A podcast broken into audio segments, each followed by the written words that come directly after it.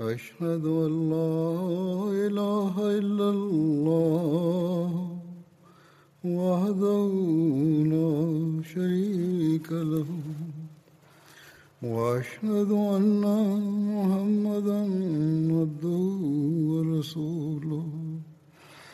أما بعد فأعوذ بالله من الشيطان الرجيم. بسم الله الرحمن الرحيم.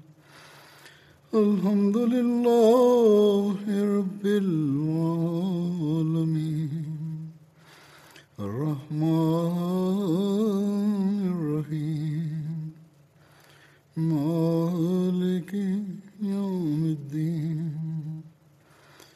إياك نعبد وإياك نستعين.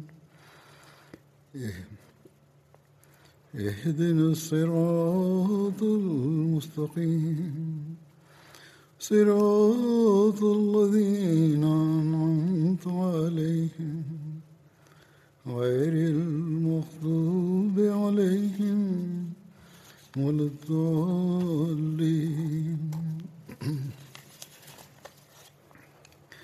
هو الذي بعث في الأميين. رسول منهم يتلو عليهم آياته ويزكيهم ويعلمهم الكتاب والحكمة. وإن كانوا من قبل لفي ضلال مبين۔ وہی ہے جس نے امی لوگوں میں، انہی میں سے ایک عظیم رسول مبوس کیا۔ وہ ان پر اس کی آیات کی تلاوت کرتا ہے اور انہیں پاک کرتا ہے اور انہیں کتاب کی اور حکمت کی تعلیم دیتا ہے، جبکہ اس سے پہلے وہ یقیناً کھلی کھلی گمراہی میں تھے۔ وآخرين منهم لما يلحقوا بهم وهو العزيز الحكيم.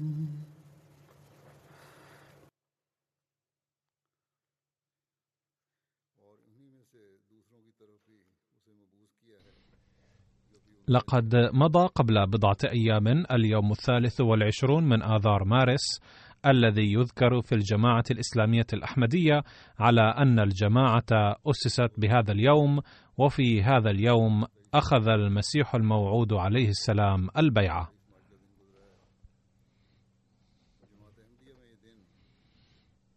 فيجب أن يذكرنا هذا اليوم من كل عام أن الهدف من مجيء المسيح الموعود هو تجديد الدين بحسب نبوءات القرآن الكريم ونبوءات سيدنا رسول الله صلى الله عليه وسلم.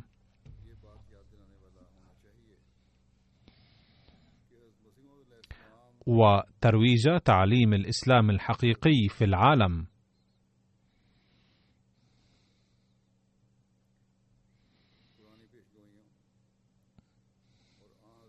ويجب علينا نحن الذين ندعي كوننا ممن بايعوه عليه السلام أن نساهم في إنجاز هذه المهمة بحسب قدراتنا ومواهبنا.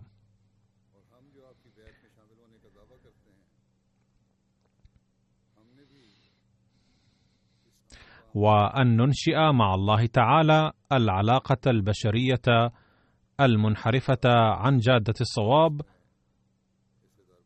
ونوجه الناس إلى أداء حقوق بعضهم بعضا. ومن الواضح أنه يجب علينا أن نصلح أنفسنا اولا لهذا الغرض. على أي حال سأقدم الآن بعض المقتبسات من كلام سيدنا المسيح الموعود عليه السلام التي بين فيها الهدف من مجيئه وكيف تحققت ولا تزال تتحقق النبوءات التي أدلي بها من قبل بما فيها النبوءات الواردة في القرآن الكريم والتي أنبأ بها رسول الله صلى الله عليه وسلم التي تثبت صدقه عليه السلام.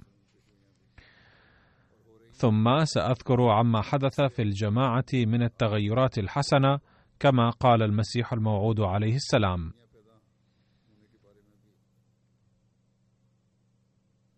وكانت تلك التغيرات على غرار التغيرات الحادثة في صحابة النبي صلى الله عليه وسلم. كذلك ذكر المسيح الموعود عليه السلام أيضا المصائب التي مر بها الصحابة وتمر بها أفراد الجماعة الأحمدية أيضا. فيجب أن نضع كل هذه الأمور بالحسبان دائما لننال التقدم بدون أن نتقهقر إلى الوراء. لقد أعلن المسيح الموعود عليه السلام مشهدا الله تعالى على بعثه وصدقه. وهذا الأمر يقوي إيماننا حتما.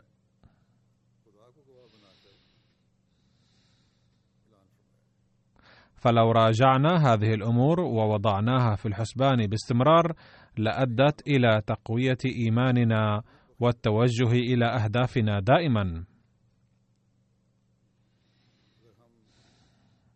فكما قلت آنفا سأقدم الآن بعض المقتبسات من كلام المسيح الموعود عليه السلام التي تجذب الأحمديين وغيرهم أيضا وتوضح كونه عليه السلام مسيحا موعودا كوضح النهار.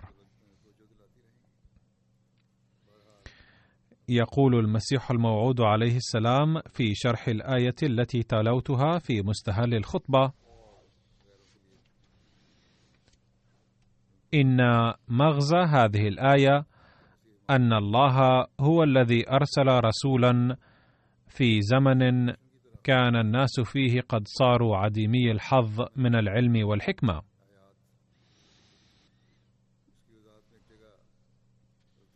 كذلك المعارف الدينية التي تكتمل بها النفس وتصل النفوس الإنسانية كمالها في العلم والعمل كانت قد اختفت نهائيا. وكان الناس ضالين. أي كانوا قد ابتعدوا كثيرا عن الله وصراطه المستقيم. ففي هذا الزمن أرسل الله رسوله الامي فزكى ذلك الرسول نفوسهم وملأهم بعلم الكتاب والحكمة. أي أوصلهم إلى مرتبة اليقين الكامل بالآيات والمعجزات ونور قلوبهم بنور المعرفة الإلهية. ثم قال ستظهر في الزمن الأخير فئة أخرى وسيكونون هم أيضا في الظلام والضلال بادئ الأمر وبعيدين عن العلم والحكمة. وسوف يصبغهم الله بصبغة الصحابة.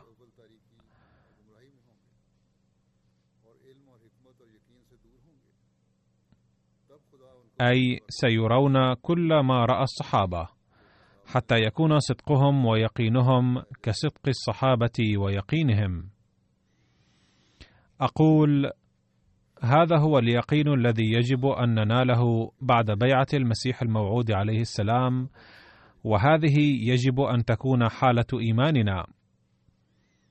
وينبغي أن يكون إيماننا ويقيننا بالله تعالى وبالنبي صلى الله عليه وسلم وبصدق الإسلام مثل صحابة رسول الله صلى الله عليه وسلم تماما كما أذكر سوانح الصحابة في خطبي حاليا وإن أمثالهم موجودون أمامنا.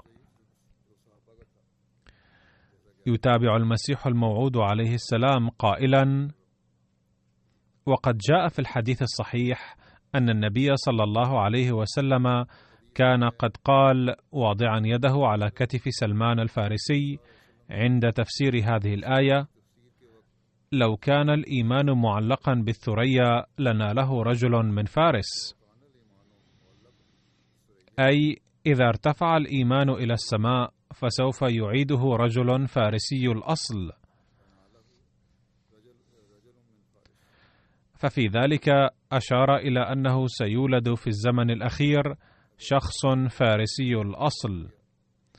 فالزمن الذي ورد بحقه أن القرآن سوف يرفع فيه إلى السماء هو زمن المسيح الموعود. أي سينسى الناس تعاليم الإسلام والقرآن كليا. وهذا الفارسي الأصل هو الذي يسمى مسيحا موعودا. لأن الهجمة الصليبية التي سيقوم المسيح الموعود بصدها وكل هذه الآثار التي وردت بحقها بحيث أن تلك الهجمة ستؤثر في إيمان الناس كثيرا في زمن المسيح الموعود. كانت الهجمات القاسية تشن على الإسلام بشدة بل ظلت جارية إلى فترة ما بعد دعواه أيضا كما يشهد التاريخ. وهذه الهجمة نفسها تسمى هجوم الدجال. وقد ورد في الآثار أنه عند هجوم ذلك الدجال سيقوم الكثيرون من السفهاء وضعيفي الإيمان بترك عبادة الله تعالى الذي لا شريك له. وسيفتر حب الكثيرين للإيمان وستكون المهمة العظيمة للمسيح الموعود تجديد الإيمان لأن الهجوم هو على الإيمان الحقيقي. وثابت من حديث لو كان الإيمان المتعلق برجل من فارس أن ذلك الرجل الفارسي سيأتي لإقامة الإيمان من جديد. فإذا كان زمن المسيح الموعود والرجل فارسي الأصل واحدا ومهمتهما واحدة أي استعادة الإيمان فقد ثبت يقينا أن المسيح الموعود هو نفسه الرجل الفارسي وجماعته مصداق آية وآخرين منهم لما يلحق بهم. ومعنى هذه الآية أن الفائزين بالهداية والحكمة بعد الضلال الكامل ومشاهدي معجزات النبي صلى الله عليه وسلم وبركاته فئتان فقط. أولاهما صحابة النبي صلى الله عليه وسلم رضي الله عنهم الذين كانوا قبل بعثة النبي صلى الله عليه وسلم في ظلام دامس.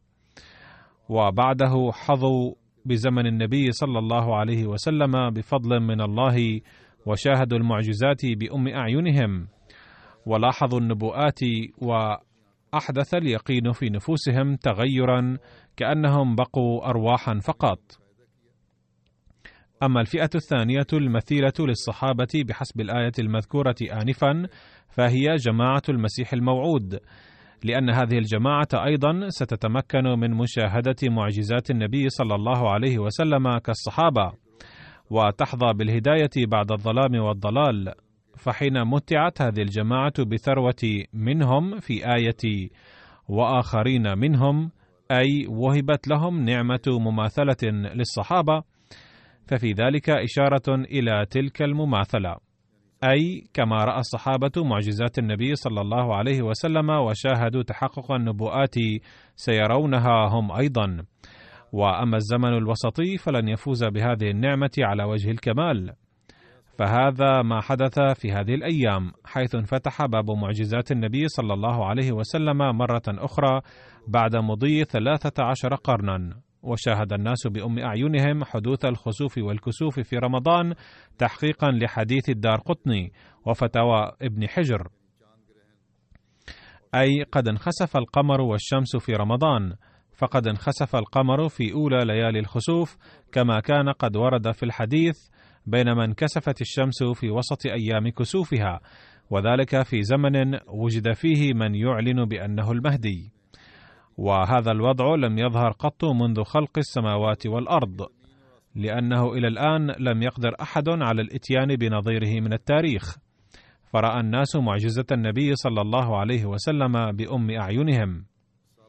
ثم طلع المذنب أيضا الذي ورد أنه سيطلع في زمن المهدي والمسيح الموعود وقد رأى الآلاف من الناس طلوعه كما شاهد مئات الألوف من الناس نشوب النار في جاوى وكذلك قد شاهد الجميع بأم أعينهم تفشي الطاعون والمنع من الحج. كما كان الصحابة رضي الله عنهم رأوا الآيات فإن صنع القطار وتعطل العشار مثل ذلك لمن معجزات النبي صلى الله عليه وسلم التي شوهدت في هذا الزمان.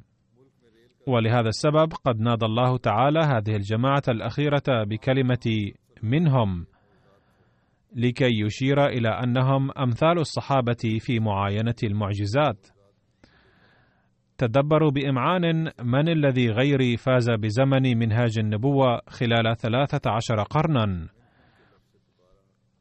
إن جماعتنا تشابه جماعة الصحابة رضي الله عنهم من نواح عديدة في هذا الزمن الذي خلقت فيه. فهم يرون المعجزات والآيات كما رآها الصحابة. هم يكسبون النور واليقين نتيجة رؤيتهم آيات الله المتجددة وتأييده المتكرر كما تمتع به الصحابة رضوان الله عليهم. هم يتحملون في سبيل الله صدمة استهزاء الناس وضحكهم ولعنهم وطعنهم وأنواع الإيذاء والبذاءة وقطع الرحم كما تحمل الصحابة رضي الله عنهم.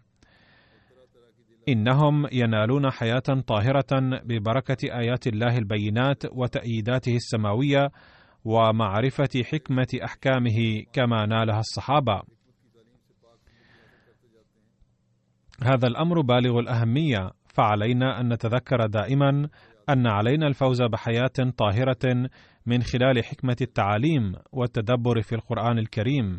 هذا أمر جد ضروري. ثم يتابع عليه السلام. فكثير منهم يبكون في صلواتهم ويبللون مساجدهم بالدموع كما كان الصحابة رضي الله عنهم يبكون. وكثير منهم يرون رؤى صادقة ويتشرفون بإلهام الله تعالى كما كان الصحابة رضي الله عنهم يتشرفون بها. وكثير منهم ينفقون أموالهم التي اكتسبوها بعرق جبينهم في سبيل هذه الجماعة ابتغاء وجه الله فقط، كما كان الصحابة رضي الله عنهم ينفقون. وستجدون كثيرا منهم يذكرون الموت هذا الأمر أيضا بالغ الأهمية فيجب علينا تذكر الموت دائما وتجدونهم حلماء القلوب ومتحلين بالتقوى الصادقة كما كانت سيرة الصحابة رضي الله عنهم. فهذه الأمور التي ذكرها حضرته هي بالغة الأهمية وعلينا أن نضعها في الحسبان في كل حين. إنهم حزب الله الذي يتولاهم بنفسه. ويطهر قلوبهم يوما فيوما ويملأ صدورهم بالحكم الإيمانية. ويجذبهم إليه بالآيات السماوية كما جذب الصحابة. فعلينا فحص أنفسنا لنعلم ما إذا كنا نتحلى نحن بهذه الأمور أم لا. باختصار توجد في هذه الجماعة كل تلك العلامات التي تفهم من قول الله تعالى وآخرين منهم. وكان حقا أن يتحقق ما قال الله تعالى في يوم من الأيام. ثم يقول عليه السلام إن هذا هو الزمن الذي أراد الله فيه أن يجعل الطوائف المختلفة أمة واحدة ويقضي على هذه الخصومات الدينية ويجمع الجميع على دين واحد في نهاية المطاف. وعن هذا الزمن الذي هو زمن تلاطم الأمواج قال الله تعالى في القرآن الكريم ونفخ في الصور فجمعناهم جمعا. فإذا قرأنا هذه الآية مع الآيات التي سبقتها كان المعنى أنه في زمن تلاطم الأمواج الذي تكون فيه ضجة كبيرة بين أديان العالم ويموج دين على دين كما يقع موج على موج ويسعى بعضها لهلاك بعض سيقيم رب السماء والأرض عندها بيده وبدون أسباب مادية جماعة جديدة. وسيجمع فيها كل أولئك الذين لديهم استعداد وانسجام. فعندها يدركون حقيقة الدين وتنفخ فيهم روح الحياة والصلاح الحقيقي ويسقون كأس معرفة الله تعالى.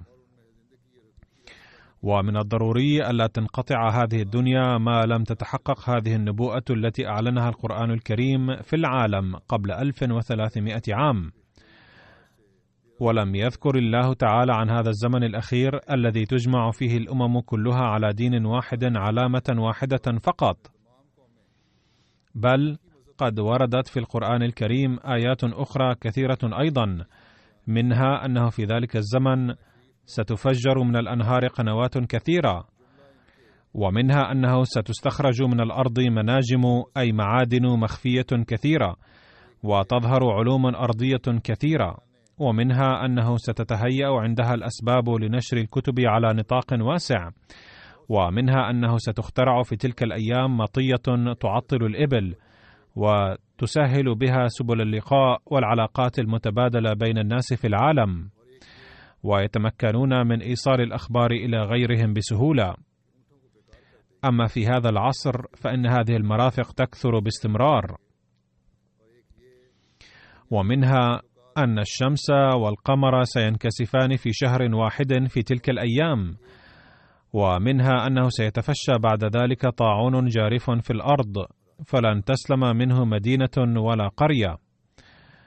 ويكثر الموت في الدنيا حتى تغدو خرابا وتدمر بعض القرى كليا ولن يبقى لها أثر ابدا. وسيحل ببعضها الآخر العذاب إلى حد ما ثم تنقذ. ستكون تلك الأيام أيام غضب الله الشديد لأن الناس لم يقبلوا آيات الله التي ظهرت تأييدا لمرسله في ذلك العصر ورفضوا نبي الله الذي جاء لإصلاح الخلق وكذبوه. لقد تحققت كل هذه العلامات في هذا العصر الذي نحن فيه. إن السبيل واضح بين للعاقل حيث بعثني الله تعالى في وقت ظهرت فيه جميع العلامات المذكورة في القرآن الكريم والمشيرة إلى بعثتي. والتاريخ شاهد على تحقق هذه الآيات كلها في عصره عليه السلام. وبعضها لا تزال تتحقق حتى اليوم. ثم يقول عليه السلام حين أمرني الله تعالى بتبليغ الحق والإصلاح بعد أن نظر إلى حالة العصر الراهن ووجد الأرض مليئة بأنواع الفسق والمعصية والضلالة وذلك حين كان الناس قد اجتازوا القرن الثالث عشر ووصلوا إلى رأس القرن الرابع عشر. بدأت أنادي بين الناس عامة تنفيذا لذلك الأمر الإلهي عبر النشرات والخطب بأنني أنا ذلك الشخص الذي كان سيبعث من عند الله لتجديد الدين على رأس هذا القرن. لأعيد إلى الأرض الإيمان الذي كان قد ارتفع منها. وأجذب العالم بعون الله تعالى وبجذب يده هو تعالى إلى الصلاح والتقوى والسداد. وأصحح أخطاءهم العقدية والعملية. ثم لما مضت على ذلك بضع سنوات كشف علي صراحة بالوحي الإلهي أن المسيح الذي كان موعودا لهذه الأمة منذ الأزل وأن المهدي الأخير الذي كان سينال الهدى مباشرة من الله تعالى في زمن انحطاط الإسلام وانتشار الضلال والذي كان مقدرا له عند الله أن يقدم تلك المائدة السماوية للناس من جديد والذي بشر به رسول الله صلى الله عليه وسلم قبل ثلاثة عشر قرنا ما هو إلا أنا. ولقد تلقيت في ذلك مكالمات إلهية ومخاطبات رحمانية بوضوح وتواتر بحيث لم يبقى هناك مجال للشك والريب. وكل وحي نزل علي كان يترسخ في القلب كوتد فولاذي. وكانت هذه المكالمات الإلهية كلها مليئة بنبوءات عظيمة حيث كانت تتحقق كفلق النهار. وإن تواترها وكثرتها وظهور قوتها الإعجازية كل ذلك أجبرني على اليقين بأنها كلام ذلك الإله وحده لا شريك له. والذي كلامه القرآن الكريم ولا أذكر هنا اسم التوراة والإنجيل لأنهما قد حرفا وبدلا على يد المحرفين حتى لا يمكن أن نسميهما كلام الله تعالى.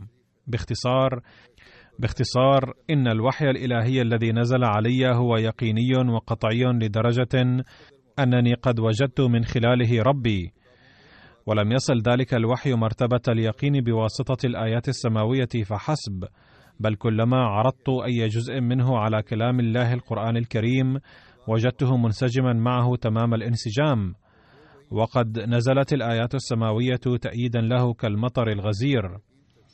وفي تلك الأيام نفسها وقع الكسوف والخسوف في شهر رمضان تماما كما كان مكتوبا أن الشمس والقمر سينكسفان في شهر رمضان في أيام ذلك المهدي. وفي تلك الأيام نفسها تفشى طاعون جارف في البنجاب على نطاق واسع كما ورد خبره في القرآن الكريم. وكما كان الأنبياء السابقون أيضا قد أنبأوا أن طاعونا جارفا سيتفشى في تلك الأيام ولن تسلم منه قرية أو مدينة. وهذا ما حدث تماما ولا يزال يحدث. وكان الله تعالى قد أخبرني بالطاعون قبل تفشيه باثنين وعشرين عاما تقريبا حين لم يكن له أي أثر على الإطلاق في هذه البلاد. ثم يقول المسيح الموعود عليه السلام بصدد دعواه أنا الذي قد بعثت في الوقت المناسب تماما وقد ظهر من اجلي كسوف الشمس والقمر في السماء في شهر رمضان بحسب الأنباء الواردة في القرآن والحديث والإنجيل وأخبار الأنبياء الآخرين. وأنا الذي قد تفشى في عهدي طاعون جارف خارق للعادة في هذا البلد وفق أنباء جميع الأنبياء السابقين ونبأ القرآن الكريم.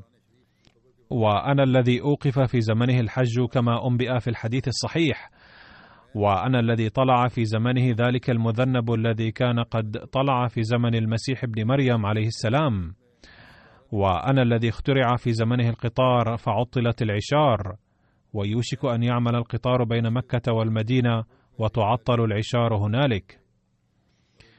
كان التواصل بينهما بالشوارع والطرق المعبدة والآن تحقق ذلك بالقطار أيضا. وتعطل العشار التي كانت تقوم بهذا السفر المبارك منذ ثلاثة عشر قرنا. عندها يتحقق الحديث الوارد في صحيح مسلم الذي جاء فيه ليتركن القلاص فلا يسعى عليها أي تعطل الجمال في زمن المسيح الموعود فلن يستخدمها أحد للسفر كذلك إنني ذلك الشخص الذي ظهرت على يده مئات الآيات. هل يقدر أي إنسان على وجه الأرض أن يبارزني في قراءه الآيات ويغلبني فيها؟ والذي نفسي بيده ظهرت إلى الآن على يدي أزيد من مئتي ألف آية. وراى عشرة آلاف من الناس أو أزيد منهم النبي صلى الله عليه وسلم في رؤاهم فصدقني. ولقد أرى الله تعالى بعض أصحاب الكشوف المعروفين في هذا البلد الذين كان عدد أتباعهم يتراوح بين ثلاثمائة ألف إلى أربعمائة ألف شخص. أراهم الله تعالى في رؤاهم بأنني من الله تعالى.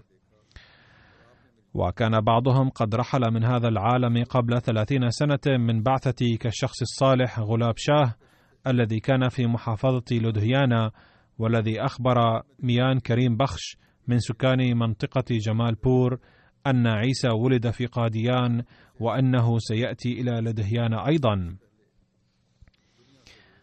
كان ميان كريم بخش رجلا صالحا وموحدا ومتقدما في السن.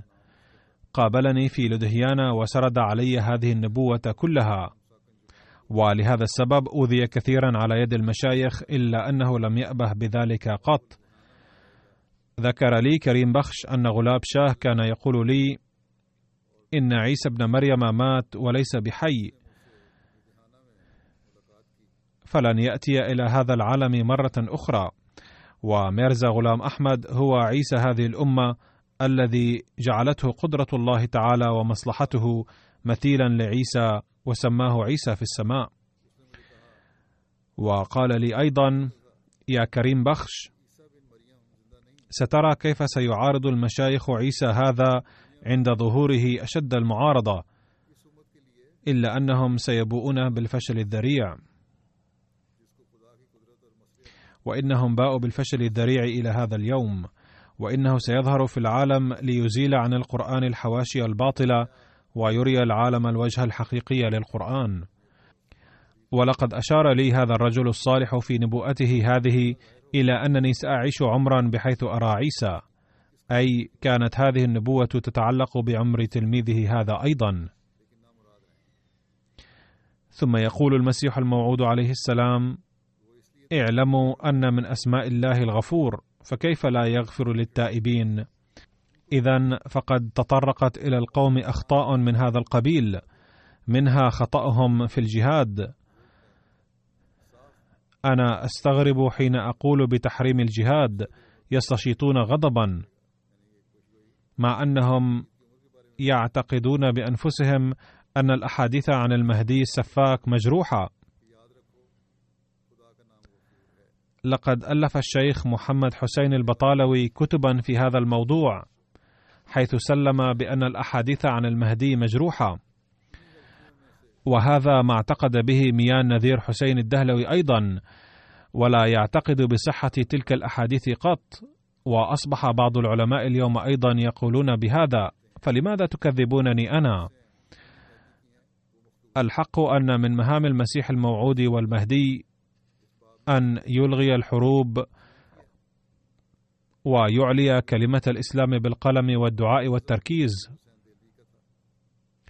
فاستخدام القلم والدعاء والتركيز هو عمل أتباعه أيضا اليوم. يقول حضرته ولكن المؤسف أن الناس لا يفهمون ذلك لأنهم ليسوا راغبين في الدين كرغبتهم في الدنيا. وعليه فينبغي أن نستعرض حالتنا أيضا لنعرف ما إذا كنا قد ملنا نحو الدنيا مرة أخرى بعد إيماننا. قال حضرته فأن لهم أن يتوقعوا بأن تكشف عليهم معارف القرآن مع انغماسهم ووقوعهم في شوائب الدنيا. إذ ورد في القرآن الكريم بكل وضوح لا يمسه إلا المطهرون. ألا فاصغوا إلى الغاية المرجوة من بعثتي. وما هو الهدف الأساسي من بعثتي؟ الهدف والغاية من بعثتي هي تجديد الإسلام وتأييده فقط. لا تظنوا أني جئت لأعلم شريعة جديدة أو أعطي أحكاما جديدة أو أتيت بكتاب جديد. كلا. ومن قال ذلك كان ضالا وملحدا إلى أبعد الحدود. لقد ختمت الشريعة والنبوة على النبي صلى الله عليه وسلم فلن تأتي الآن شريعة. القرآن الكريم خاتم الكتب ولا مجال للنقص أو الزيادة فيه قيد أنملة. غير أنه صحيح أن بركات النبي صلى الله عليه وسلم وفيوضه وتعليم القرآن الكريم وثمرات هديه لم تنقطع. بل ما زالت موجودة وتتجدد في كل زمان. وقد بعثني الله تعالى لإثبات الفيوض والبركات نفسها. إن حالة الإسلام الحالية ليست خافية على أحد. وقد أجمع أن المسلمين مصابون بجميع أنواع الضعف والزوال والانحطاط من كل ناحية. أما ما نراه اليوم من حالتهم فهو أشد وأسوأ. لهم ألسنة ولكن قلوبهم لا تفقه. والإسلام صار يتيما. ففي هذه الحالة أرسلني الله تعالى لأسعف الإسلام وأتكفله. وقد أرسلني بحسب وعده كقوله إنا نحن نزلنا الذكر وإنا له لحافظون. فإن لم تتم حمايته ونصرته وحفظه في هذا الوقت فمتى؟ لقد آلت الحالة في هذا القرن الرابع عشر إلى ما كانت عليه في بدر التي قال الله تعالى عنها ولقد نصركم الله ببدر وأنتم أذلة.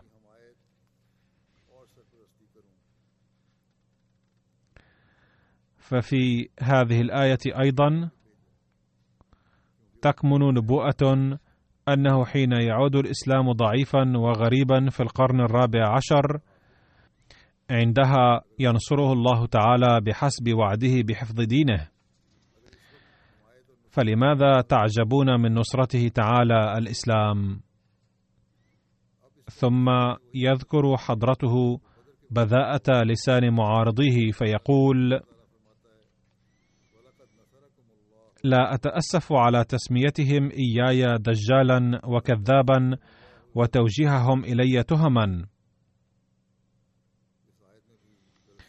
إذ كان من الضروري أن أتلقى معاملة تلقاها المرسلون من قبلي لكي أنال نصيبا من تلك السنة القديمة.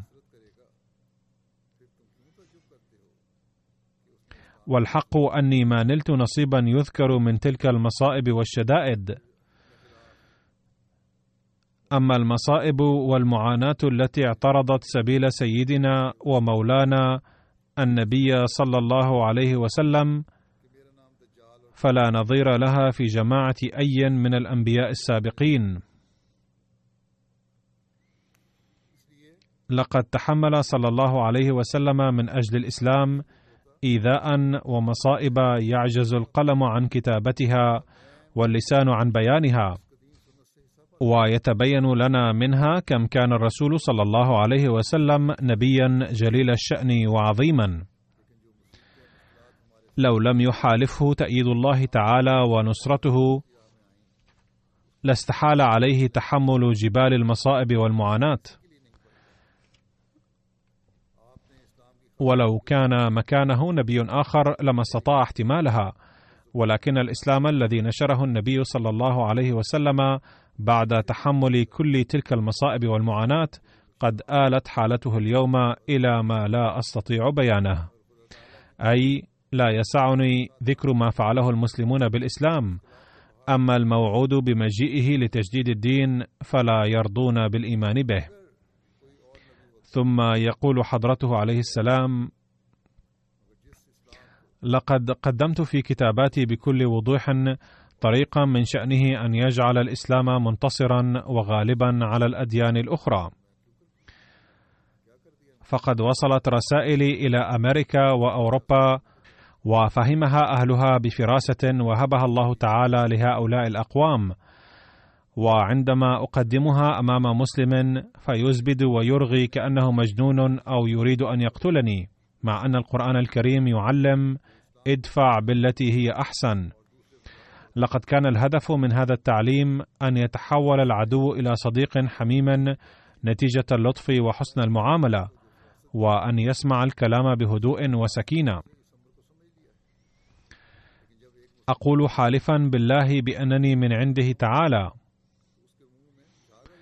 وهو يعلم جيدا أني لست مفتريا ولا كذابا.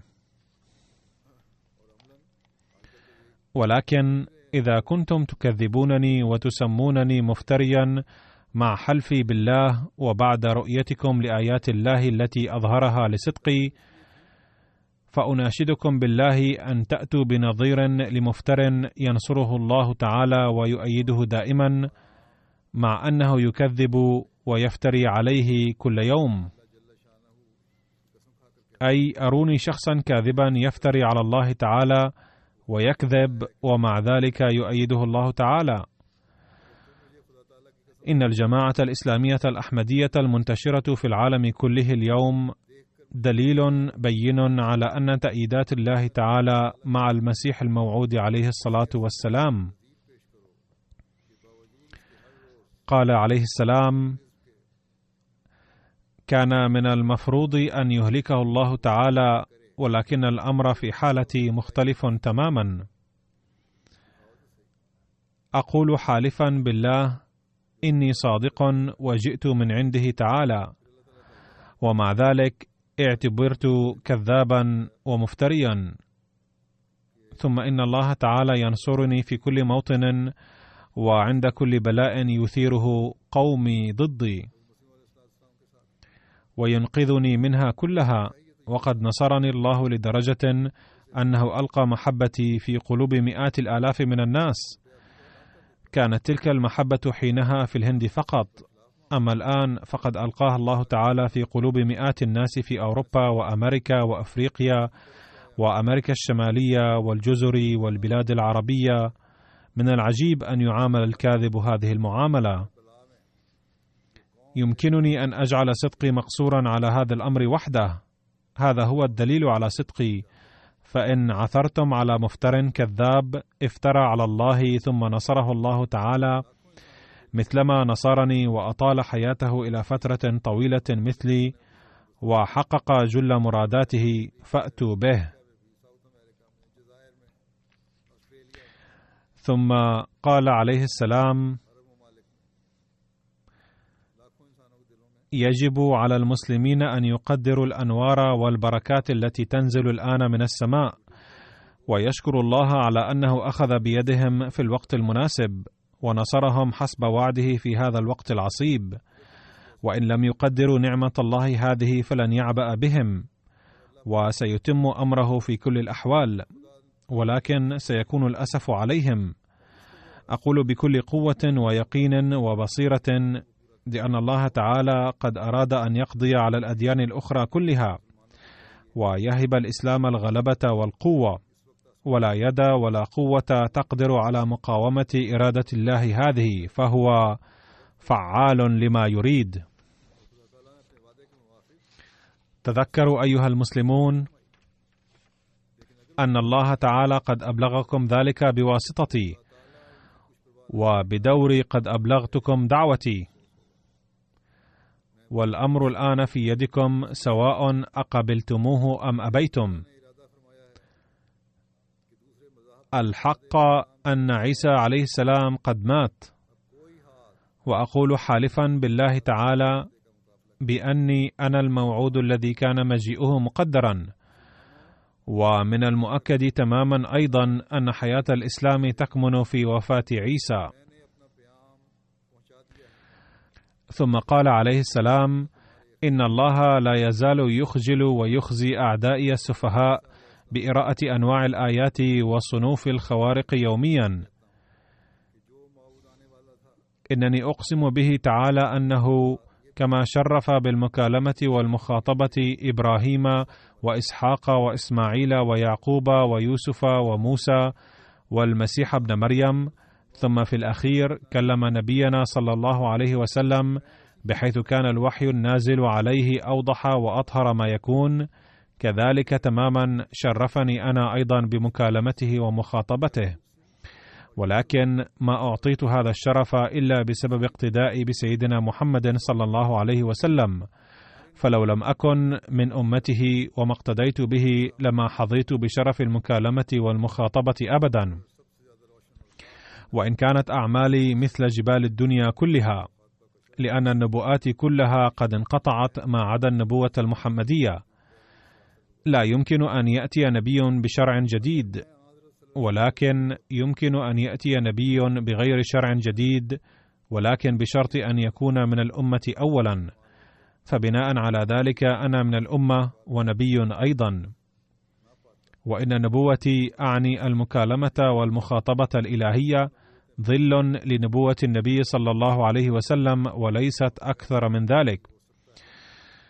إن النبوة المحمدية هي التي ظهرت في وبما أنني مجرد ظل له صلى الله عليه وسلم ومن أمته فلا ينال ذلك من شأنه صلى الله عليه وسلم. وهذه المكالمة والمخاطبة التي أنالها يقينية ولو ساورني في ذلك شك للحظة لصرت كافرا ولحبطت آخرتي. إن الكلام الذي نزل علي يقيني وقطعي. وكما لا يشك أحد في الشمس وضوئها بعد رؤيتها كذلك لا يسعني الشك في الكلام الذي ينزل علي من الله تعالى فأنا أؤمن به إيماني بكتاب الله تعالى. ثم قال عليه السلام أما المهمة التي ابعثني الله تعالى من أجلها فهي أن أزيل الكدر الحاصل في العلاقة بين الله تعالى وخلقه وأرسي بينهما صلة المحبة والإخلاص ثانية وأن ألغي الحروب الدينية بإظهار الحق مرسيا دعائم الصلح وأكشف الحقائق الدينية التي اختفت عن أعين الناس. وأقدم نموذجا للروحانية التي صارت مدفونة تحت ظلمات النفوس. وأكشف بالحال لا بالقال فقط تلك القوى الربانية التي تسري في الإنسان ثم تتجلى فيه نتيجة إقباله على الله تعالى أو نتيجة التركيز والدعاء. وفوق كل ذلك أن أغرس في القوم من جديد غراسا خالدا للتوحيد الذي قد اختفى الآن.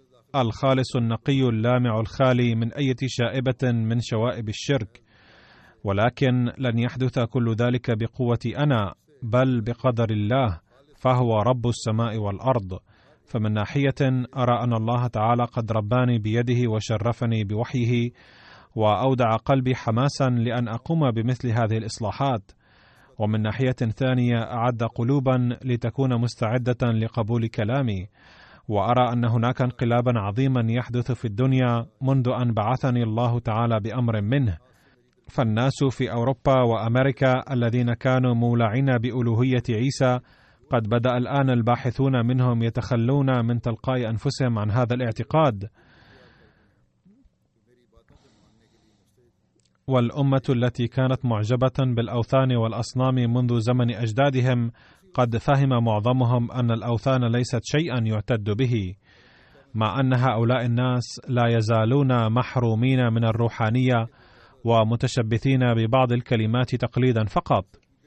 ولكن مما لا شك فيه أنهم خلعوا من أعناقهم حبال آلاف التقاليد السخيفة والبدعات والشرك. وقد وقفوا على عتبات التوحيد. إنني آمل أن تدفع رحمة الله الخاصة بعد زمن قريب اناسا كثيرين إلى دار الإيمان للتوحيد الصادق والكامل الذي يوهب معه الحب الكامل والخوف الكامل والمعرفة الكاملة. إن أملي هذا ليس تخيليا فقط بل تلقيت هذه البشارة بوحي الله المقدس. لقد عملت حكمة الله هذا العمل في هذا البلد لتجعل الأمم المتفرقة أمة واحدة سريعا ولتشرق شمس يوم الصلح والوئام كل أمة تشم شذا ريح أن جميع الأمم المتفرقة ستصبح أمة واحدة يوما من الأيام. ندعو الله تعالى ليفهم العالم كله ولا سيما المسلمون هذه الحقيقة ودعاوى المسيح الموعود عليه السلام وأن يبايعوا هذا المسيح المهدي الذي بعثه الله تعالى في الدنيا لنشأة الإسلام الثانية وأن يوفقنا أيضا لنؤدي حق بيعتنا. وأريد أن أطلب الدعاء مجددا للأحمديين في باكستان وفي الجزائر لأن الظروف هناك تسوء يوما بعد يوم أو تتحسن قليلا ثم تسوء. ولكن لا نستطيع أن نقول لقد حدث الأمن والسلام تماما. كل يوم يحدث شيء ما ضد الجماعة في باكستان. وكذلك في الجزائر يبدو أن نية بعض الحكام ليست حسنة ويريدون أن يفتحوا القضايا ضد الجماعة من جديد. ندعو الله تعالى أن يحفظ كل احمدي في باكستان وفي الجزائر كما يحفظ كل أحمدي يعاني حيثما كان في جميع بلاد العالم. وفي الوقت نفسه على الأحمديين أيضا أن ينتبهوا أن عليهم أن يسجدوا لله أكثر من ذي قبل ويؤدوا حق عباداتهم وحقوق العباد أيضا ويحسنوا حالتهم الإيمانية ويرتبطوا بالله ارتباطا خالصا. وفقنا الله تعالى جميعا لذلك. آمين.